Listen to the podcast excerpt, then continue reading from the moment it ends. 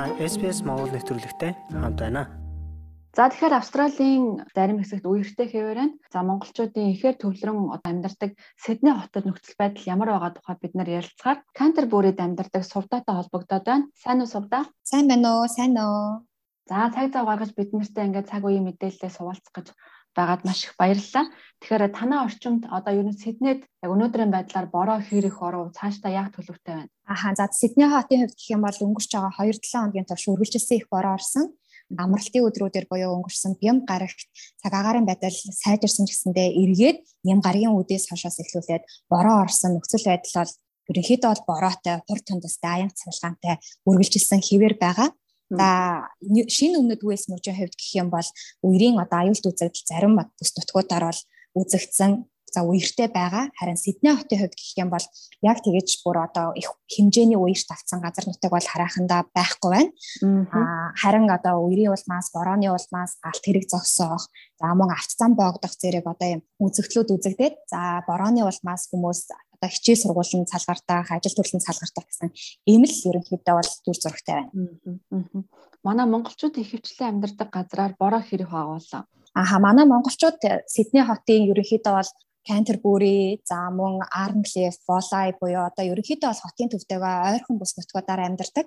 Тэгэхээр нөгөө хотын төв хавцаанаа амьдарч байгаа учраас мэдээж нөгөө борооны ус зайлуулах хоол айдар сайтай байгаа учраас ерөнхийдөө бол монголчуудын маань хувьд одоо үерийн аюулт байдалд бол автаагүй одоо үерт хохироогүй байгаа хаа гэж би хувьдаа бол дүгнэж байна.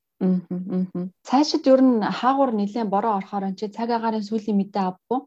Аха цаг агаарын сүүлийн мэдээг харсан ерөнхийдөө сэрэмжлүүлэг мэдээ бол үргэлжилсэн хэвээр байна.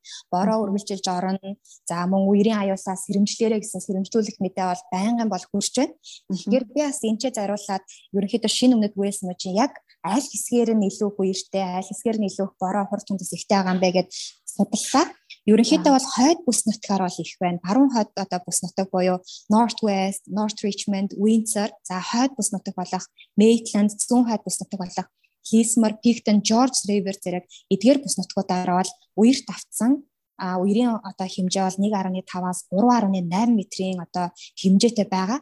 Тэгэхээр 3.8 гэдэг маань ерөнхийдөө бол мэдээнээс харж байхад бичлэгнээс зүр зурагнаас харж байхад зөвхөн одоо байшингийн дээвэр нь ил гарсан тий одоо модны зөвхөн одоо орой үзүүр хэсэг нь ил харагдах төдий маш тийм одоо аюултай үзэгдэлтэй байлаа. За үерийн улмаас бас мэдээлэл олгоод хүргэхэд өнгөрсөн одоо баасан гарагийн үдээс хойш 40 иргэн насны эрэгтэй хүний цогцос усан дэмцэн байдалтай олдсноор ерөнхийдөө бол үерийн улмаас нийтдээ ингээд 6 хүний амь нас нь ирсэн байна. Аа. Танаа мужидлүүлэх тийм манаа мужид Аа тэгээс хэрэмжлүүлэх мэдээ бол үргэлжилсэн хэвээр за цаг агаарын одоо эрдэм шинжилгээний газраас болон одоо амбан захирагчийн газраас бол үргэлж радиогоо сонсоорой, үргэлж цаг агаарын мэдээгээ аваарай, байнгын тогтмол одоо мэдээлэлтэй байгаарай.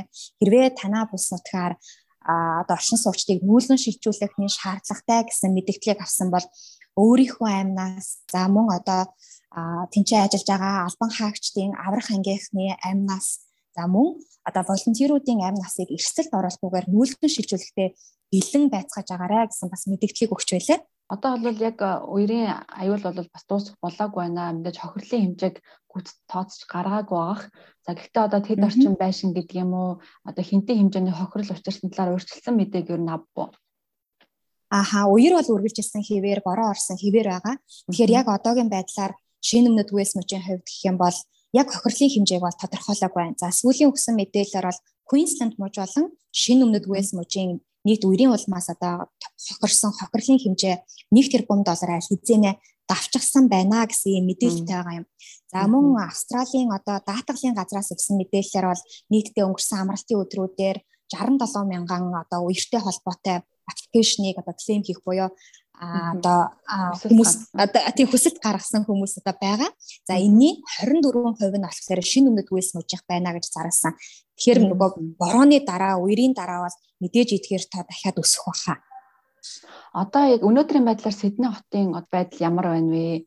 одоо гудам талбайгаар нэхэр их устай байна. Хүмүүс одоо ажилдаа явах боломж юу нэхэр байна. Би бас сая мэдээ харж байхад тренинг зогслоо гэсэн мэдээнүүд л өнөөдөр нэлээд яваад ах шүү гэсэн. Тий, за тэгэлгүй яг нөгөө борооноос болоод галт тэргийн зам бол хаагдсан. Зарим одоо өнөөдөр өглөө бол бол яг галт тэрэг бол зогссон байна. Гэтэ бүтэн бол зогсоогоо мэдээж одоо ядгийн вүүлэнгогийн ария хаваар ч юм уу яг одоо тухайн одоо баг зэргийн үер болсон тухайн газруудаараа бол галт тэрэг явахгүй. За мэдээж тэр галт тэрэг явахгүй байгаа учраас зарим одоо урсгал бол хаагдчихсан хэвээрээ А энэс болоод мэдээж нөгөө хүмүүс маань ажилдаа явж чадахгүй ийм нөхцөл байдалтай анзаар нөгөө хүний амнаас эрсдэх хэмжээний бол тийм аюултай бол үер бол болоогүй байна. Одоо хүнсний хангамж, бензин шатхууны хангамж бол хэвэн байгаа юу? Сидней хотод бол бүх зүйл хэвэн байна. За заашгүй. Аа одоо цаашдаа ер нь монголчуудаа юу гэж зөвлөмөр байна. За энэ ташаанд хэлэхэд манай сувдаа бол бас Австрали дахь монголчуудын холбооны удирдах зөвлөлийн гишүүнээр ажилладаг. Монголчууд манаас нэлээд их би нөгөө одоо кампинг хийдэг ари болоо хапс бүрийн хаваар бол бороо үргэлжилж орно шүү, үер болох аюултай шүү гэж зарлж байна. За мөн тэрнээс гадна одоо нөгөө түрүүний миний дурдсан хотууд бол Queensland мужтай хил залгалтай байдаг ерөнхийдөө хойд бус нутагт оршдог газрууд байгаа. Тэгэхээр манай монголчууд маань нөгөө Newcastle зэрэг юм хотуудад очиж ихээр ажилладаг шүү дээ тий. Тэгэхээр та бүхэн маань одоо аян замдаа явахдаа үргэлж цаг агаарынхаа мэдээг харж шалгаарай. Одоо үерийн аюулаас цаг агаарын нөхцөл байдлыг бид нэр тааж мэдэхгүй, хэлж мэдэхгүй ийм одоо аюулт үзэгдэл байдаг учраас үргэлж мэдээтэйгээ одоо сонор сэрэмжтэйж мэдээгээ цаг тухайд нь аваарай гэж монголчуудад зөвлөе. Аа. За баярлалаа. Тэгээд энэ ташранд мэдээлэхэд бас Австралийн засгийн газраас үерийн гамшигт өртсөн за бодит тохирол амссан хүмүүст payment disaster болгож байгаа. Тэгээд энийг одоо яг аль бүс аль одоо local government area-г хамруулах уу? За яаж apply хийх үү гэх мэтчлэн мэдээллийг та бүхэн ярилцлагын тайлбар хэсгээс хүлээж авч үзээрэй. Тэгээд сувдаадаа маш их баярлалаа. Би ч одоо баг сэтгүүлч үнтэй ярьж байгаа юм шиг хэлээ. Сувдаа сэтгүүлч үгүй юу? Хоолойны өнгө бэлтгэсэн мэдээлэлээс нахад айгүй мэрэгжлийн бах юм. Тийм би сэтгүүлч мэрэгжтэй.